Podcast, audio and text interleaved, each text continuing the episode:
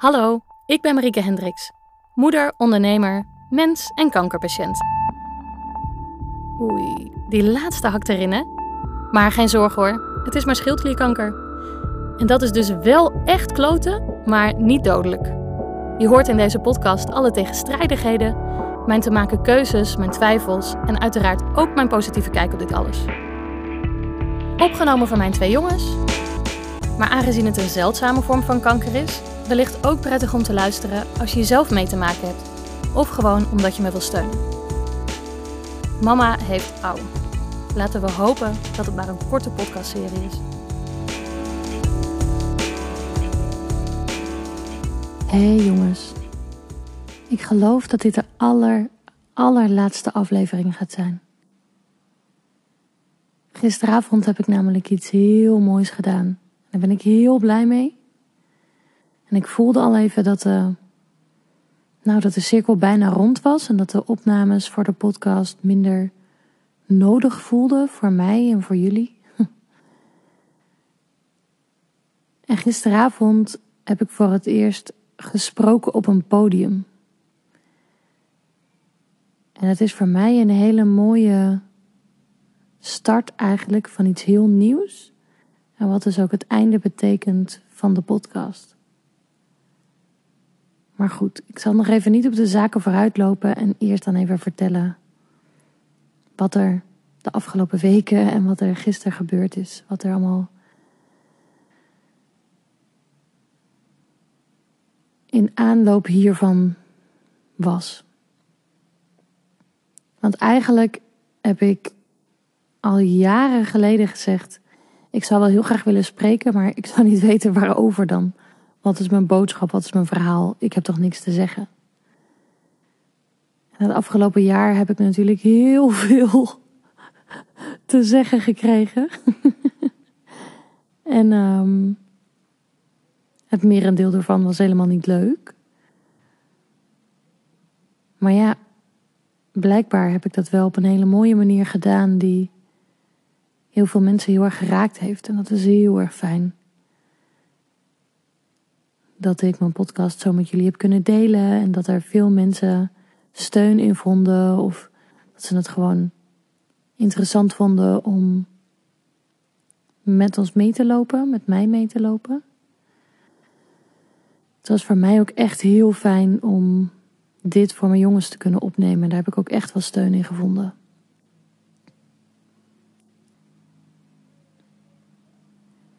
En eventjes terug sprak ik uit naar mijn vriendinnen dat ik, um, dat ik dus heel graag wil gaan spreken en dat ik daar serieus mee bezig wilde gaan.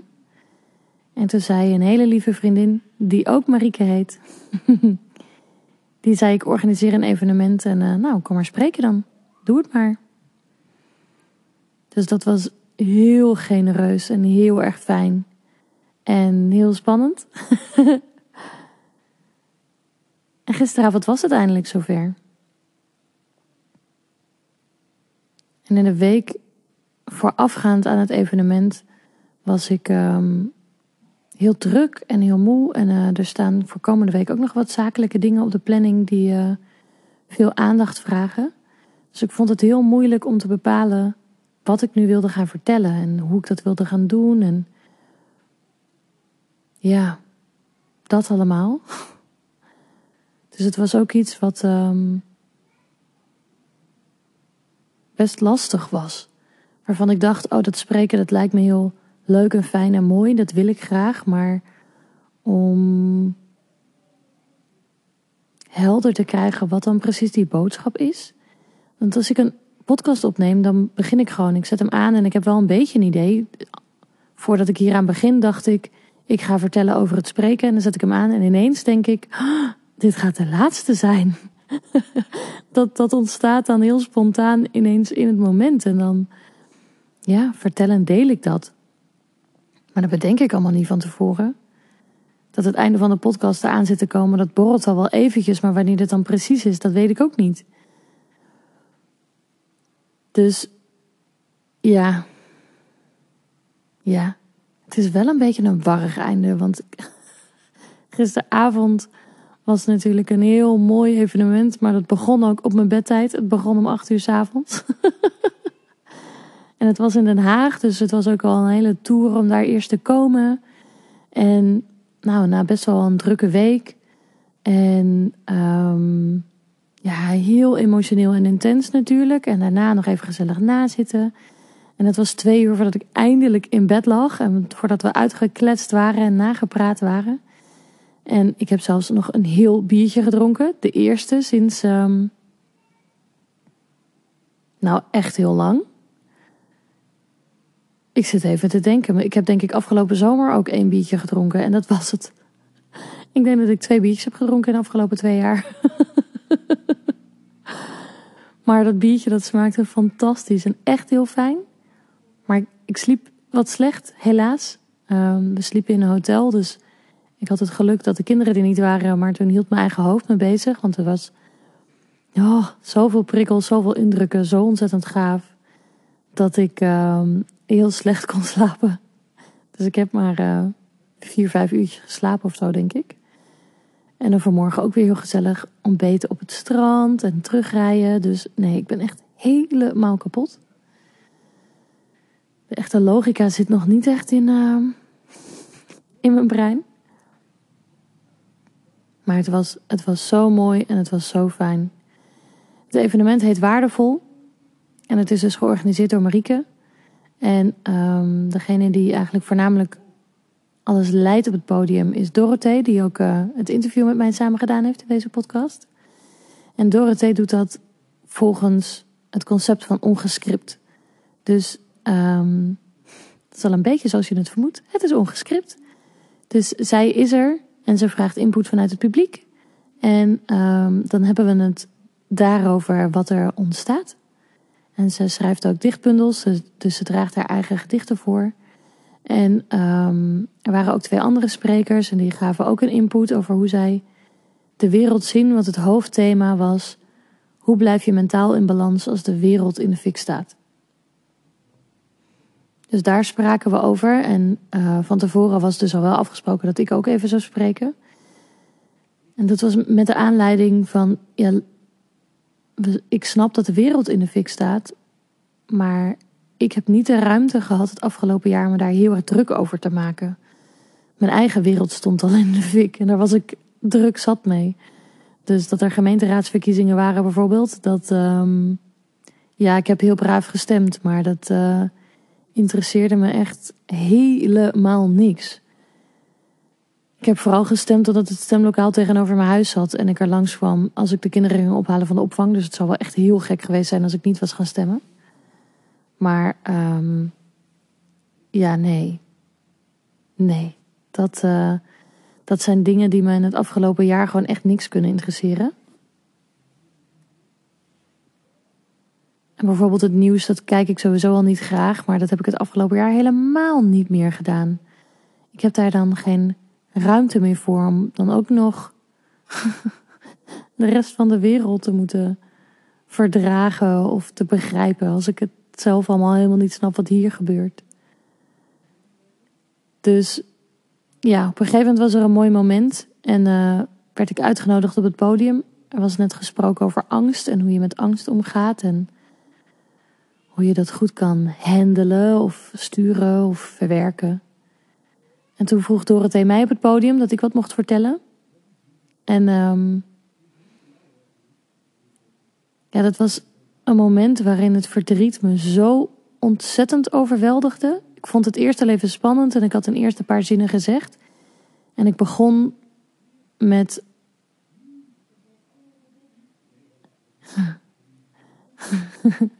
ik hoor uh, Dolf voorlezen voor Sietse. Sietse gaat naar bed. Ik lig alvast in bed.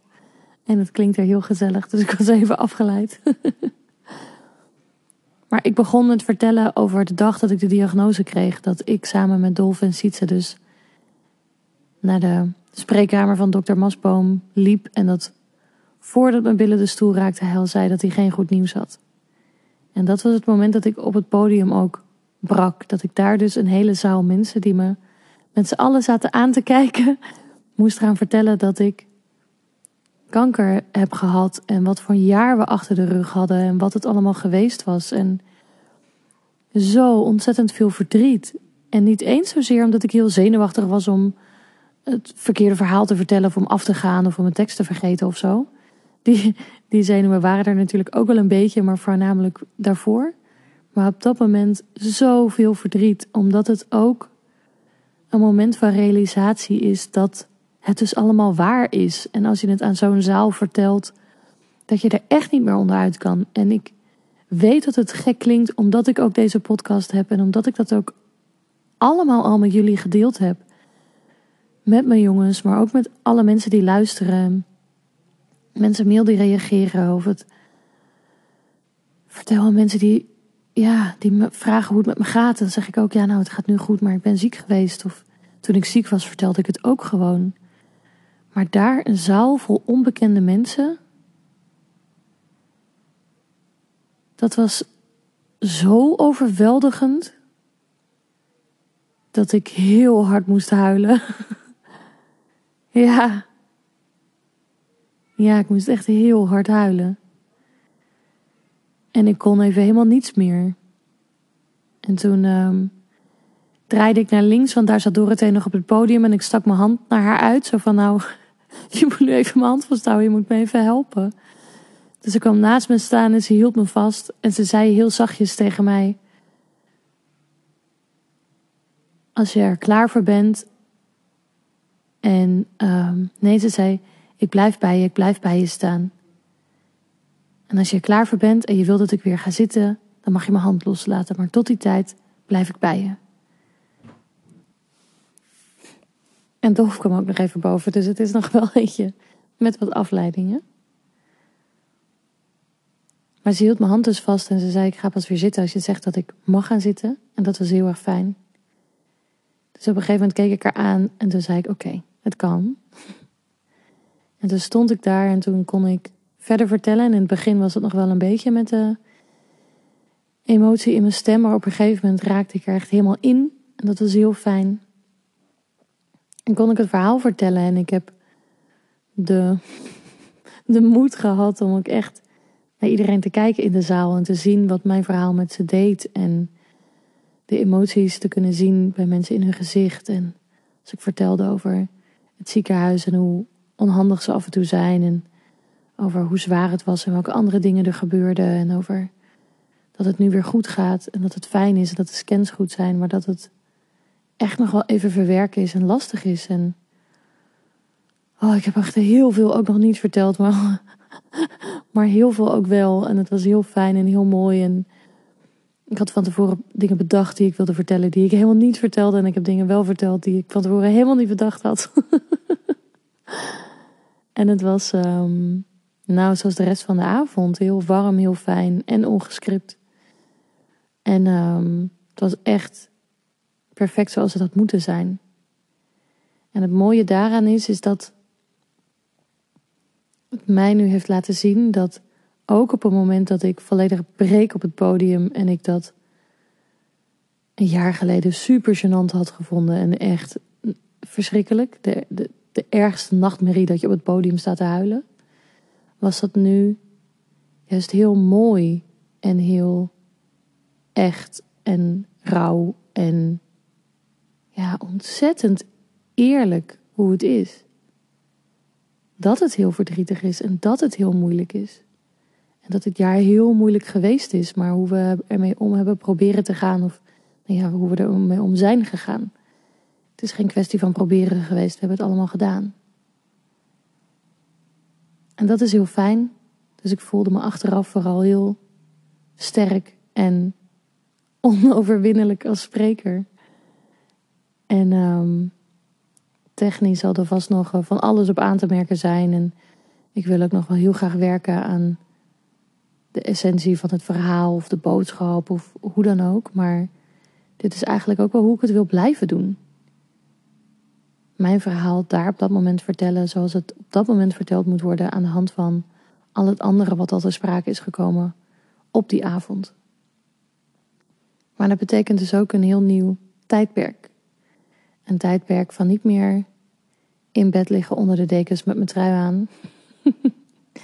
en in deze intimiteit eigenlijk opnemen. Alleen maar mijn jongens en ik. Ik hoef het niet meer op te nemen voor mijn jongens, want we zijn aan de betere hand en we zijn er echt nog lang niet. We moeten nog heel hard werken om weer in balans te komen. En om weer ons goed te voelen over het algemeen. En om dan weer toe te werken naar weer elke dag een acht of een negen te geven. En heel veel te lachen en plezier te hebben. En onze handen niet meer om te draaien om de kinderen weg te brengen, op te halen, te spelen, te gooien, de tuin in. Leuke dingen doen, grapjes maken, gezond eten. Het ouderschap zoals we dat voor ons zien, dat we dat weer op ons gemakje doen. Daar werken we nu naartoe, maar het is geen verhaal meer van mama die oude heeft en mama die kanker heeft. Want ik heb geen kanker meer. En de ziekenhuiszorgen zijn in die zin voorbij. En ik heb geen oude meer. Hm, ik heb geen oude meer. En dat is echt heel fijn. Dat betekent dus wel dat het nu een tijd is dat ik juist ons verhaal mag gaan delen met de buitenwereld op een manier dat ik ook zichtbaar ben en dat, dat ik kan delen hoe we het gedaan hebben en hoe het ons geholpen heeft en wat ons uit het veld geslagen heeft en daarmee weten dat het mensen in een zaal echt helpt. Ik kan wel zeggen hopen, maar dat is gewoon eigenlijk, dat is niet eerlijk, want ik weet het. Ik heb het gisteravond zelf gezien. Ik heb de mailtjes de afgelopen weken en maanden met heel veel plezier zien binnenkomen. Wat het met jullie als luisteraars deed. En dat is zo fantastisch en zo mooi. Dus ja, het is echt heel jammer dat het zo ver heeft moeten komen. Dat we in een jaar een Jelle geboren hadden, een Dolf in het ziekenhuis, een Siets in het ziekenhuis en ik met kanker. Maar het heeft me wel de het zelfvertrouwen gegeven en de kracht gegeven om ons verhaal te delen, om mijn verhaal te delen, om te delen hoe ik in het leven sta en hoe ik met dingen omga. En hoe ik denk dat het leven is. En hoe je het leven aan kan en overleeft.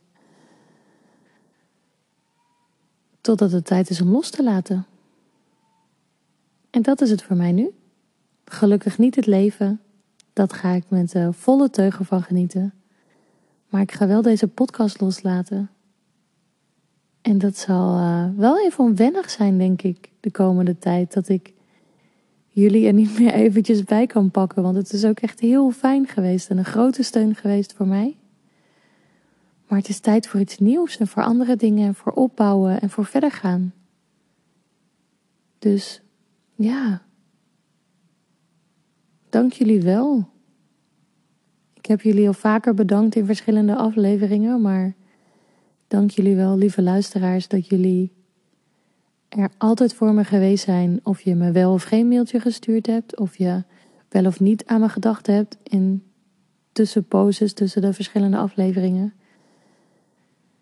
Dank je wel, lieve, lieve, lieve familie, lieve papa en mama, dat jullie er zoveel voor mij geweest zijn en zoveel met me gebeld hebben en voor de kinderen gezorgd hebben. En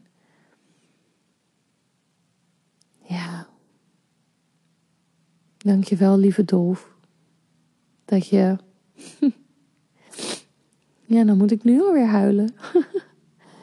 Dankjewel, lieve Dolf. Voor alles wat je gedaan hebt de afgelopen maanden. Voor de hulp, voor het zorgen, voor blijven staan op momenten dat ik het niet kon. Omdat je wachtte met omvallen totdat ik weer kon staan. Dankjewel dat je zoveel van me houdt. Ook op dagen dat ik echt niet heel erg leuk was. en in deze tijd dat het niet makkelijk is. Dat we nog steeds heel gelukkig en verliefd zijn gebleven samen. Ook al hadden we daar helemaal niet de tijd of de aanleiding voor, dat we toch heel vaak hebben verteld hoeveel we van elkaar houden. En hoe belangrijk we samen zijn. Zonder jou had ik echt niet geweten hoe ik dit had moeten doen. En dankjewel, lieve Jelle. Dankjewel, lieve Sietse. Dankzij jullie is dit allemaal ontstaan. De podcast, het, de strijdlust, de, het goed voor mij willen zorgen, het goed voor jullie willen zorgen, de weldaad aan liefde en, en zo ontzettend veel dat er nu is en dat ik voel en dat jullie mijn moeder gemaakt hebben en dat jullie me kusjes geven. dat ze iets in mijn doeken brengt als ik moet huilen en dat Jelle me zo vaak aan het lachen maakt en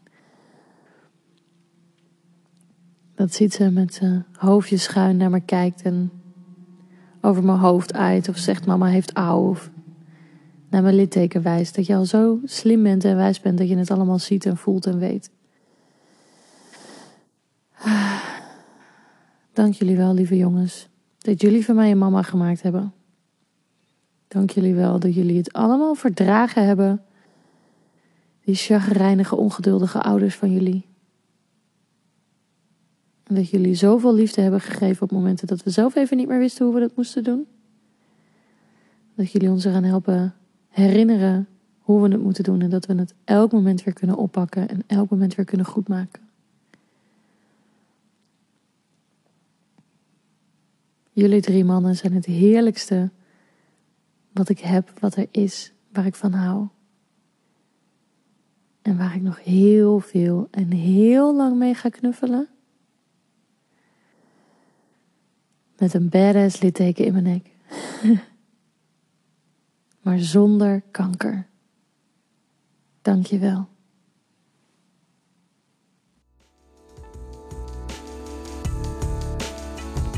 Wil je me helpen? Like en deel deze podcast dan. Heb je een vraag of tip? Mail me dan op marike.zoralibre.nl